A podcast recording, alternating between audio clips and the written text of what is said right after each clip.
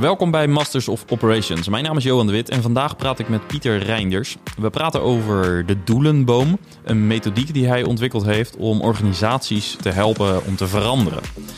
En omdat hij dat zelf veel beter kan uitleggen dan ik, gaan we snel naar het gesprek. En dat gesprek en deze podcast worden aangeboden door Playbookify, software om jouw kennis en processen te managen.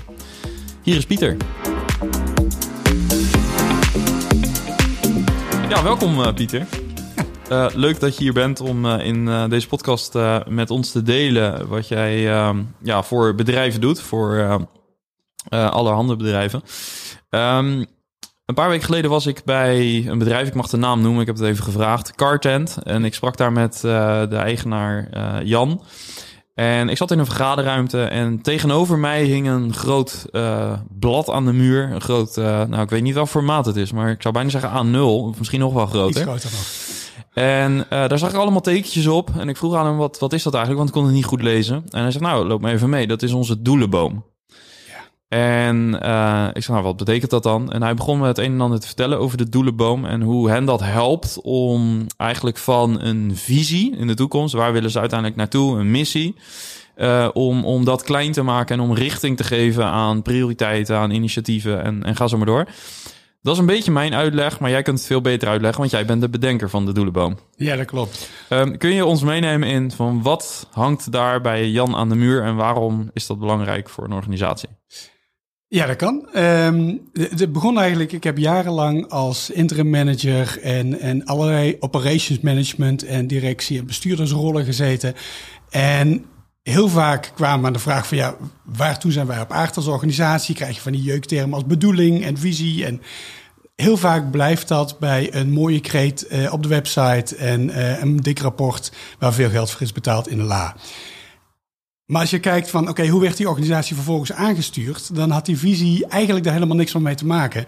Want er was gewoon heel simpel een of andere norm of target die door een aandeelhouder of de politiek was opgelegd. school moet zoveel diploma's opleveren, eh, je moet zoveel marktaandeel of zoveel winst maken. Nou, vervolgens werd dat door directiemanagement werd dat verdeeld over de afdelingen. Door uh, uh, teammanagers werd dat vervolgens vertaald naar taken. Daar werden KPI's opgezet en die KPI's gingen we naar een norm. Um, en zo kan iedereen iedereen controleren en zijn we met z'n allen nou, het rad wat iedereen kent en waar niemand blij van wordt. Dus ik ben op een gegeven moment eens even rustig voor gaan zitten van hoe zou dat anders kunnen? En wat ik veel, zelf veel inspirerender vind, is om te werken vanuit die visie. Maar dan ook echt van, joh, wat dragen wij nou bij voor onze klanten, onze patiënten, onze cliënten, onze leerlingen, wie dan ook, waar dan ook. Um, wat wil je nou echt toevoegen als organisatie? Wat is nou uiteindelijk wat je bijdraagt. Maar, maar dat is eigenlijk iets wat um, er vaak met die dikke rapporten ook wel gedaan wordt. Ja, maar dan in één zin. Ja. Eén compacte zin. Ja. Gewoon echt 10, 15 woorden. Punt. Okay, ja. Iedereen moet dat gewoon snappen en begrijpen wat daarmee bedoeld wordt. Zonder allerlei tussenzinnen, comma's, ja. weet ik veel. Dus geen dik rapport, maar één zin. Eén zin. Oké, okay, dat is het eerste. Dat is die bedoeling. Ja. Waarom doe je het nou eigenlijk? Um, vervolgens ga je aan de slag. En wat ik erachter kwam was twee dingen. De ene is op het moment dat je in een organisatie rondloopt, noem een school, dan, of een universiteit, dan is hij daar met een bepaald doel. Maar ga je naar een andere school of een andere universiteit, dan kan daar een totaal andere sfeer heersen. Uh, ze hebben met dezelfde regels te maken, dezelfde eh, wetten vanuit het ministerie van Onderwijs. En toch doen ze iets heel anders op een heel andere manier. Nou, nog zo'n jeukterm DNA. Waarde, cultuur, identiteit, dat stuk. Daar moet je dus ook even naar kijken. Van hé, hey, wat speelt je nou? Waar loopt het hier om? Wat gaat die? Wat zijn die ongeschreven regels die maken dat we samenwerken zoals we samenwerken? Nou, heb je die visie? Heb je die DNA, cultuur, waarden? Um, maar dan is nog steeds de grote vraag, en dat is de vraag die ik altijd stel als ik ergens binnenkom lopen en waar ik zelden een fatsoenlijk antwoord op krijg. Oké, je weet waar je naartoe wilt. Je weet met wie je dat gaat doen, doe je samen. Maar wat ga je nou morgen anders doen dan vandaag om een stapje dichter bij het bereiken van die visie te komen. Om die bedoeling vorm te geven. Wat ga je nou morgen anders doen dan vandaag? En, en is, het, is het kernwoord hier anders of is het doen? De, combinatie. Hm. Um, want iedereen is gewend om de dingen te doen zoals je ze gisteren en eergisteren ook deed. Maar daarmee weet je dus dat je nooit iets gaat veranderen. Hm. En er zijn weinig visies of bedoelingen die ik tegenkom om altijd hetzelfde te blijven doen wat je ooit deed. Ja. De meesten willen vooruit. Ja. Gelukkig. Um, dus volgens mij gaat het erom dat mensen niet alleen bezig zijn om in hun werk hun ding te doen wat ze altijd deden, maar ook om over hun werk na te denken en aan hun werk te sleutelen. En dat kan op alle niveaus in de organisatie. Dat hoeft niet alleen door management te gebeuren. Dat hoeft niet alleen door stafmedewerkers te gebeuren. Dat hoeft niet alleen door externe consultants te gebeuren. Integendeel. Ik denk, maar goed, dat is mijn aanname. En tot op heden klopt die nog wel. Je hebt geen randenbielen rondlopen. De mensen die binnen jouw organisatie rondlopen, die doen dat al 10, 20, 50 jaar. Die weten wat daar speelt, die weten wat daar gebeurt. Je moet ze alleen helpen om zich daarin verder te ontwikkelen. Dus wat wij doen is eerst met elkaar helder maken waar willen we nou uiteindelijk naartoe. En vervolgens ga je met die mensen in gesprek. Waar denk je dat op jouw stukje van dat hele grote proces zou je een stap kunnen zetten? Ja. Waar kunnen we mee verder? Waar kunnen we aan werken? En dat betekent dat je bijvoorbeeld, als je het hebt over een ziekenhuis en je gaat daar met uh, iemand van de raad van bestuur praten over hospitality, dan heeft hij daar zijn ideeën over. Maar op het moment dat je met die vrijwilligster die beneden bij die draaideur mensen op staat te vangen die helemaal wezenloos in die grote hal rondkijken, waar moet ik nou naartoe? Die heeft je moet het even gastvrijheid noemen dan. Maar die heeft er ook ideeën over. En die verpleegkundige op de opnameafdeling ook. En die receptionisten bij de stickertjes, waar de oude polsplaatjes uit werden.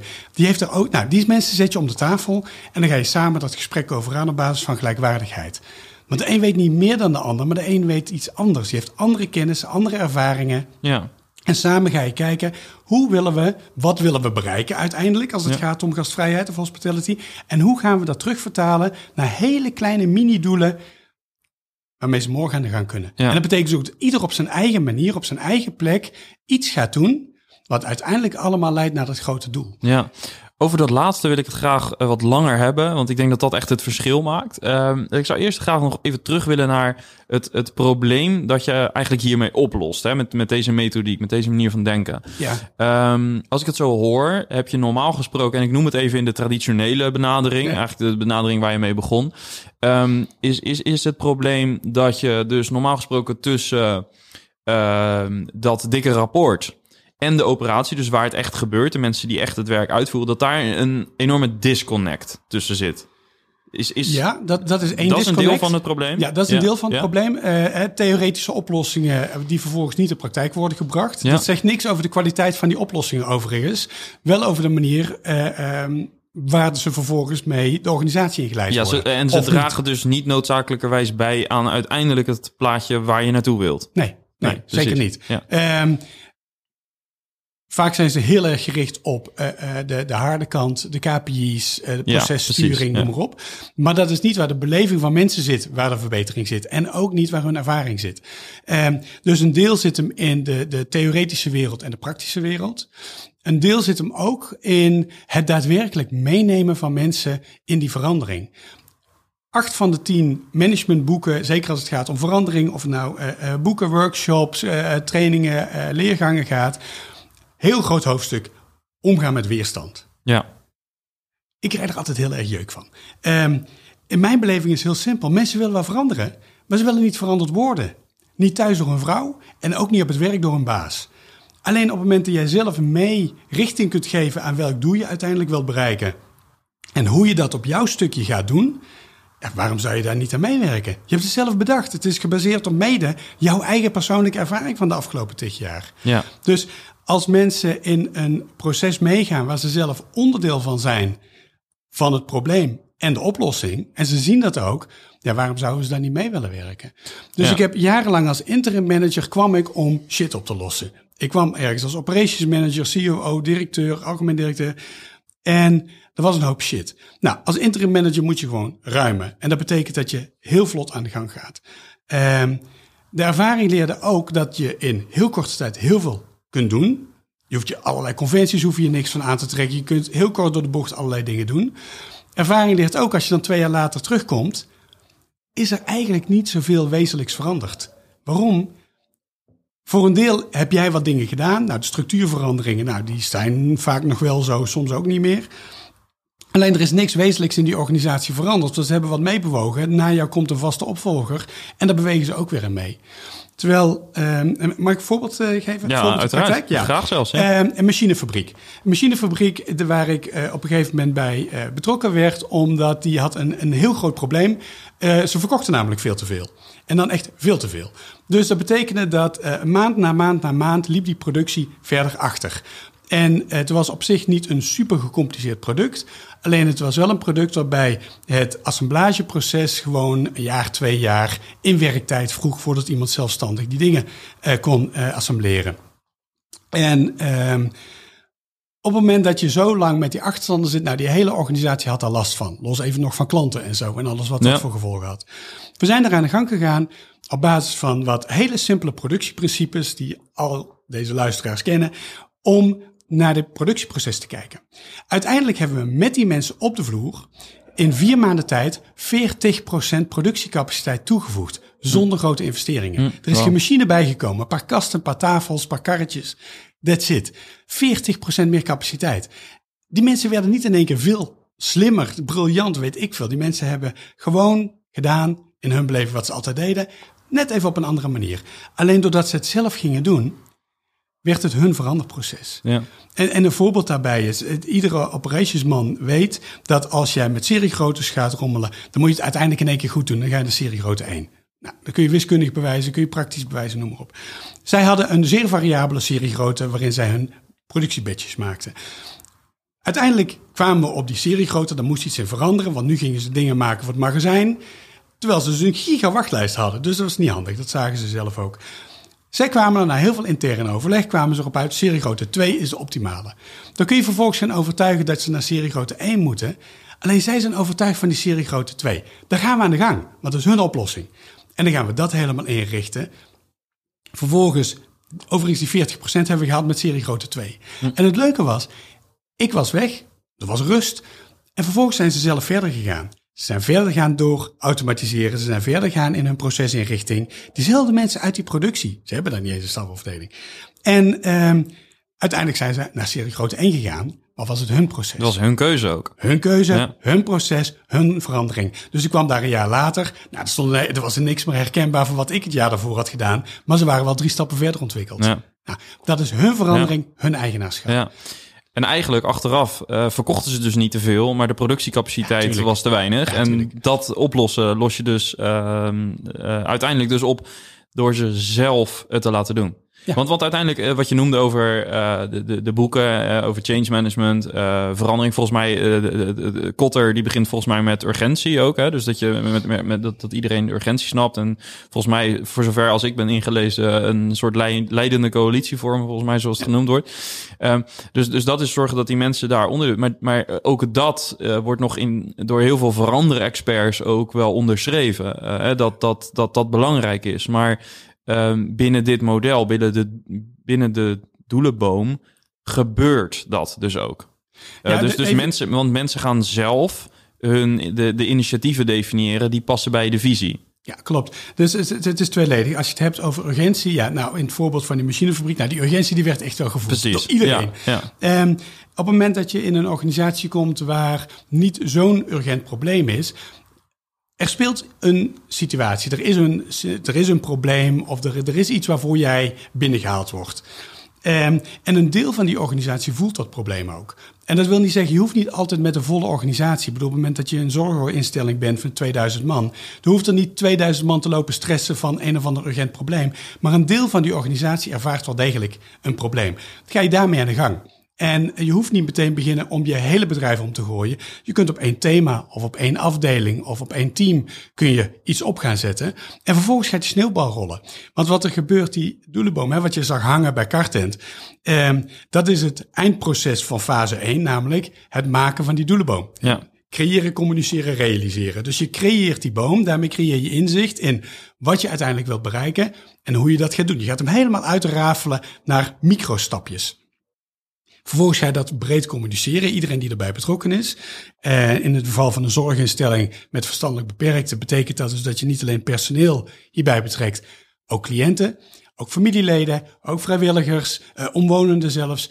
Die kunnen betrokken worden in zo'n proces en kunnen hun eigen kennis en ervaring en beleving daar toevoegen. En daarmee wordt het ook hun proces. Ja, dus eigenlijk die, dat draagvlak, dat creëer je dus door samen aan je doelen te werken. En, en, aan de acties die daarbij horen. Precies, ze je worden onderdeel van op, actie. maar ze zijn, ja, ze zijn eigenlijk onderdeel van de oplossing. Ja, want omdat ze zelf meedenken aan die oplossing, worden ze ook zelf eigenaar van die oplossing. Ja. En dat betekent dus dat het ook ehm, familieleden of vrijwilligers kunnen zijn die zo'n blokje oppakken. Dus die doelenboom, even voor de mensen die het nog niet gezien hebben.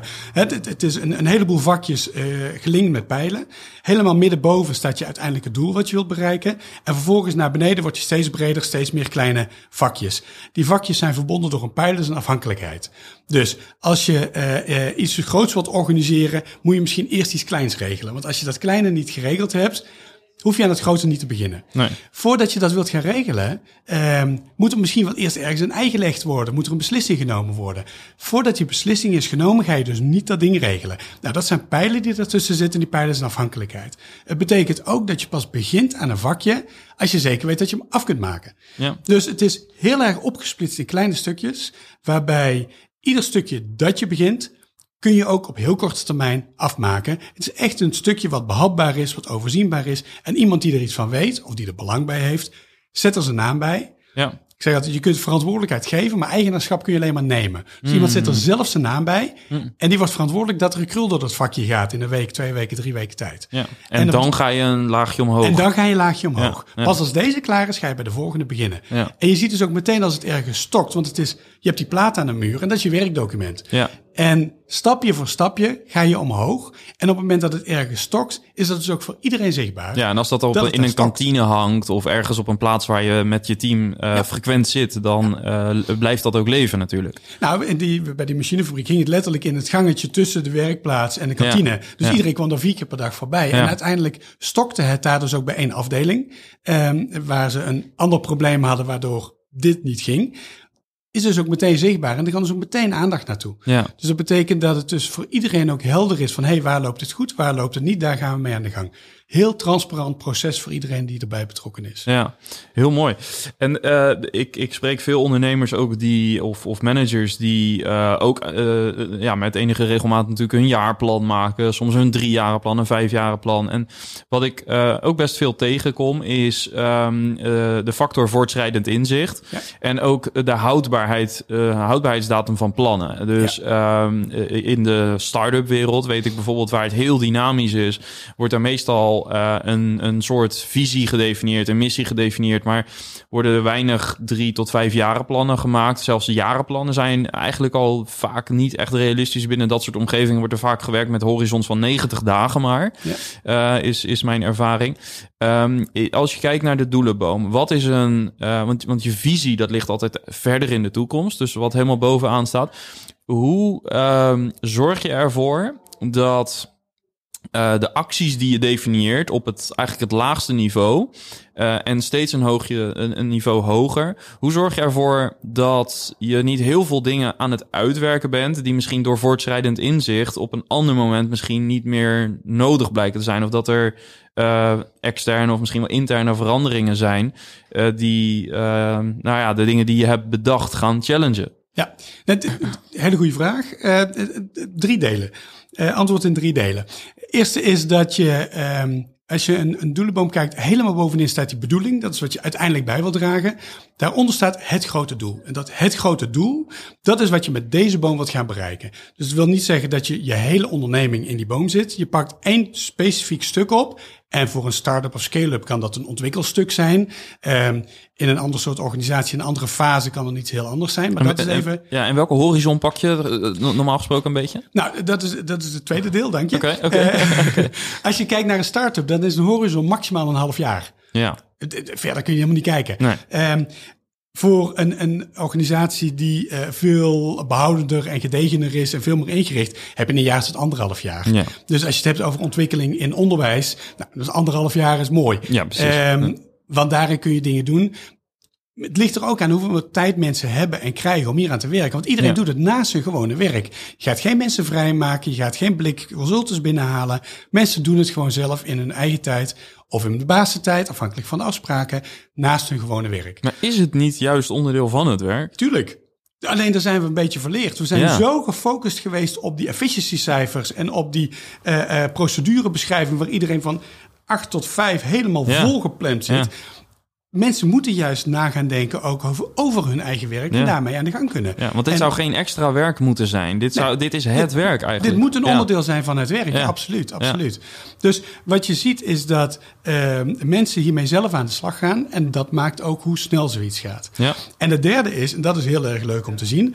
In veel gevallen wordt de boom niet helemaal afgemaakt. Wat je vaak ziet, dan komen we meteen op een ander stukje. eh, ontwikkeling van mensen versus ontwikkeling van organisatie. Of tenminste versus, dat Ja. is ontwikkeling van organisatie. Wat je vaak ziet tijdens zo'n proces, het zijn je mensen die dat doen. Het zijn je mensen die zich dus ook ontwikkelen hierin. Die pakken dingen op en de hele organisatie ontwikkelt zich hierdoor. En wat je vaak ziet is op twee derde, drie kwart van de boom wordt de lat alweer hoger gelegd. Ja, dus precies. dan krijg ik weer een Ja. telefoontje van hé, hey, we hebben dit gedaan, maar eigenlijk willen we hem niet meer op deze manier afmaken. We willen de lat een stuk hoger leggen. Ja. Kom je wel langs en dan gaan we het vervolg maken. En dan komt de 2.0, de 3.0 versie. Ja. Eh, en dan gaan we daarmee verder. Dus het is eigenlijk een heel goed teken dat je op twee derde op een gegeven moment zegt van nou, we moeten het gaan herzien, want ehm, er zijn invloeden of we, we lopen goed op schema of Ja, of, ja, ja. gewoon even heel simpel. We willen meer dan wat we toen hadden. Wat we toen hadden, hè, de, de, de Big Harry Audacious Goal, je kent hem. Ja. Ehm, het grote doel wordt altijd op die manier gedefinieerd. Ja. Alleen wat een half jaar geleden nog een Big Harry Audacious Goal was, is nu ja. Dat is toch logisch dat we dat halen. En we willen door, we willen verder. Ja. Nou, dat is gaaf, want dat betekent het dat mensen en organisaties zich heel erg goed hebben ontwikkeld. Ja. En komt het in jouw ervaring ook voor dat ehm, men juist heel erg achterloopt? Ik kan me voorstellen dat bijvoorbeeld door corona, dat hoeft niet eens per se natuurlijk iets te zijn wat eh, in je eigen invloedssfeer ligt, maar er kunnen situaties zijn dat je juist ehm, niet eh, op schema eh, ligt. En dan kan het misschien juist wel weer confronterend zijn. Hoe, hoe ga je daar mentaal mee om als je dus ziet dat jouw plan niet uitpakt zoals je dat had gewild? Ehm, mijn ervaring is dat als plannen niet ehm, echt doorlopen, als zo'n boom niet doorloopt, dan stokt het meestal en dat heeft te maken met de drijvende kracht binnen de organisatie. Vaak is dat een operations manager die er zelf toch niet echt voor gaat of eh, zelf ingehaald wordt door de waan van de dag. De grote, ehm, ja, ik zou zeggen, dode, ieder project staat of valt met de waan van de dag versus ontwikkelambitie. En op het moment dat je als organisatie het echt belangrijk vindt om je te ontwikkelen, dan vind je dus ook een manier om om te gaan met de waan van de dag. En eh, ik had laatst nog een gesprek met iemand erover. Ja, nee, maar ik zit bij een zorgorganisatie en personeelstekort en dit en dat de problemen. Ik zeg, prima. Maar een deel van jouw probleem wordt opgelost op het moment dat jij de uitzendkrachten kunt vervangen door een vaste kern. Nee, maar dit en dat. Nou, komt je met statistieken en lijstjes en cijfers aan. Ik zeg, we gaan even naar het team. We gaan even een team vragen. De helft van dat team bestond uit uitzendkrachten. Die niet weten wat de procedures zijn. Die een hoop stress veroorzaken bij de bewoners van eh, die woning. Ehm, die ook maar de halve taak doen, want ze weten niet beter. Dus het eerste boompje dat we gebouwd hebben, was om te zorgen dat er een vast team daar kwam zitten. Ja. En dat er nog maar 5% in plaats van bijna 50% uitzendkrachten zat. Vier maanden later, stabiel team. Hoe krijg je daar in dit, dit zo'n specifieke situatie, hoe krijg je die, die, die flexibele mensen mee? Want het is niet in hun belang. Dus hoe zorg je dat die cultuur binnen zo'n team op dat moment eh, goed blijft? Ehm, En de sfeer? Nou, even die, eh, en dat is een luxe positie op dit moment. Een treurige luxe positie van die flexibele mensen is dat ze op dit moment overal kunnen werken. Dus die hebben daar niet zoveel eh, mee te verliezen. Ze hebben er wel mee te winnen, namelijk een heel interessant ontwikkelproject waar ze zelf ook van kunnen leren. Dus die zien iets gebeuren van, hé, hey, hier kan ik van leren. En een aantal hebben er ook voor gekozen om uiteindelijk vast daar te gaan werken, omdat dit echt een hele mooie ontwikkelleeromgeving werd, waar ze zelf ook heel veel konden leren. Dus die hebben getekend om een paar jaar daar gewoon vast te blijven. Oké. Dus dat is niet het hele probleem op die manier opgelost, maar wel een deel. Ja. En een deel ook gewoon door middel van andere planningen, andere manier van vacatures uitzetten. En ehm, je, er zijn heel veel wegen die naar Rome leiden, blijkt als je met die mensen gaat praten. Ja. Ehm, een ander onderdeel waar ik het even kort over heb is dus, eh, we hebben het nu vooral natuurlijk over wat je als team doet eh, om eh, je organisatie naar het volgende niveau te brengen. Uiteindelijk is natuurlijk de persoonlijke ontwikkelingen die mensen daarin doormaken natuurlijk ook cruciaal. Wat, hoe draagt de doelenboom of de methodiek erachter bij aan de persoonlijke groei van de mensen? Ja, het is fantastisch. Ehm, eh, mijn definitie van een organisatie is: een organisatie is een groep mensen die samen iets creëert. En wat ze dan creëren maakt niet uit. Of er nou fietsen of eh, eh, diploma's zijn, mensen met diploma's. Maar die groep mensen bepaalt het ontwikkelpotentieel van de organisatie. Wat er gebeurt bij die doelenboom is dat iedereen binnen die organisatie uitgenodigd wordt om zelf iets op te pakken. Dat betekent dat die mensen die gaan zich ontwikkelen. Die gaan dingen doen die ze eerder nog niet deden. En het leuke is dat je mensen ziet die echt vleugels krijgen. Echt die, die Red Bull reclame, die, oh, mag je reclame maken hier? Uh, die, die, Maakt niet uit hoor. je ziet mensen echt vleugels krijgen. Vaak mensen waarvan het niet verwacht werd. Die al 10, 15 jaar een beetje achter de bureau zitten te verpieteren. Uh, die in één keer initiatieven krijgen. Die krijgen wat support voor dingen die ze al veel vaker geroepen hebben in het verleden. En al niet eens meer zeggen als het ze gevraagd wordt. Uh, en tegelijkertijd zie je ook helaas mensen die het niet waar kunnen maken. Die, uh, soms zijn het zelfs de, echt de benoemde high potentials. Die heel goed zijn in meetings en in reportages. Maar niet gewoon zelf met die poten in de klei het doen. Hm. En je ziet dat die ontwikkeling van mensen door die zelfstandig oppakken van die blokjes, van die mini-projectjes. Um, krijgen zij dus daadwerkelijk ook stuk zelfvertrouwen. Ze krijgen inzicht. Ze krijgen een breder netwerk binnen hun eigen organisatie, omdat ze over muurtjes heen gaan kijken, dat ze breder samenwerking op gaan zoeken. Ze krijgen daar natuurlijk wat begeleiding bij als ze dat nodig hebben. En uiteindelijk ontwikkelt die hele organisatie zich. En dit maakt dat je uiteindelijk ook dat doel na een halve, driekwart boom verder door gaat schuiven. Ja. Niet omdat er iemand bedacht heeft dat de lat voor de organisatie hoger moet, maar omdat de organisatie zelf verder wil en kan. Ja, en, en, en eigenlijk is dus uh, ook wat je zegt dat uh, de, het commitment dat mensen hebben en ook het eigenaarschap dat men voelt, dat dat uiteindelijk ook een, een van de drijvende krachten van persoonlijke ontwikkeling is. Ja, Zodra je eigenaarschap hebt, uh, vind je meer manieren om, om jezelf te ontwikkelen. Ja. Ja. Ja. ja, absoluut. Op het moment dat iemand zelf niet wil ontwikkelen. En die heb je ook. Het is niet verplicht dat 100% van de organisatie meedoet. Je hebt ook gewoon mensen die hun ding doen en klaar. Alleen op het moment dat mensen tegen gaan werken, omdat die status quo in hun belang is, daar heb je een goed gesprek mee. Ja. Um, mijn laatste vraag. Uh, wat uh, vind jij uh, voor een COO de belangrijkste eh, ja, persoonlijke eigenschap? Ja, voor mij is het heel simpel. Het, gewoon echt verbinding met je mensen. Uh, op het moment dat die, die, mensen moeten het doen. De, de, gemiddelde CEO die ik ontmoet, die zet zelf geen fietsen in elkaar, die wast geen billen, die geeft geen les. Uh, zijn of haar enige taak is te zorgen dat al die mensen die dat wel doen, hun werk zo goed mogelijk kunnen doen. En dat kun je volgens mij alleen maar doen als je verbinding hebt met die mensen en weet wat daar speelt. En, en, welke, welke persoonlijke eigenschap ligt daaronder? Hoe zou je dat kunnen uh, kwantificeren? Ja, volgens mij echt eh, eh, een nieuwsgierigheid, interesse naar die mensen. Nieuwsgierigheid. Echt nieuwsgierigheid. Want je hoeft niet de hele dag op die werkvloer rond te lopen. Echt niet. Um, ik bedoel, ik weet wat er op het bord ligt van de CEO. Ik heb vaak genoeg de functie zelf ingevuld. Um, maar het is wel belangrijk om daar toch af en toe tijd voor te maken. Om nieuwsgierig te blijven wat daar gebeurt op die werkvloer. Nieuwsgierig wat die mensen drijft. Nieuwsgierig wat ze ook weerhoudt om die volgende stap te zetten. Zodat jij dat mogelijk kunt maken in jouw kantoor met al je vergaderingen en met al je uh, Zoom-meetings en weet ik het allemaal. Om toch continu die mensen die het werk doen in het achterhoofd te houden bij alles wat je doet. Als je dat van nature misschien niet helemaal bent, echt heel nieuwsgierig, hoe kun je dat trainen? Ga met die mensen praten. Hm. Ga echt meer tijd doorbrengen met die mensen. Uh, en dan blijkt waarom zij het doen.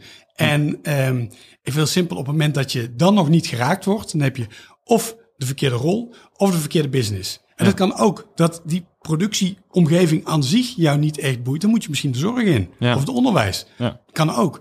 Maar, uh, en op het moment dat mensen je totaal niet boeien, ja, dan moet je volgens mij geen manager worden. Dan is dat niet de rol die je moet, uh, nee, moet hebben. Iets anders nee. doen.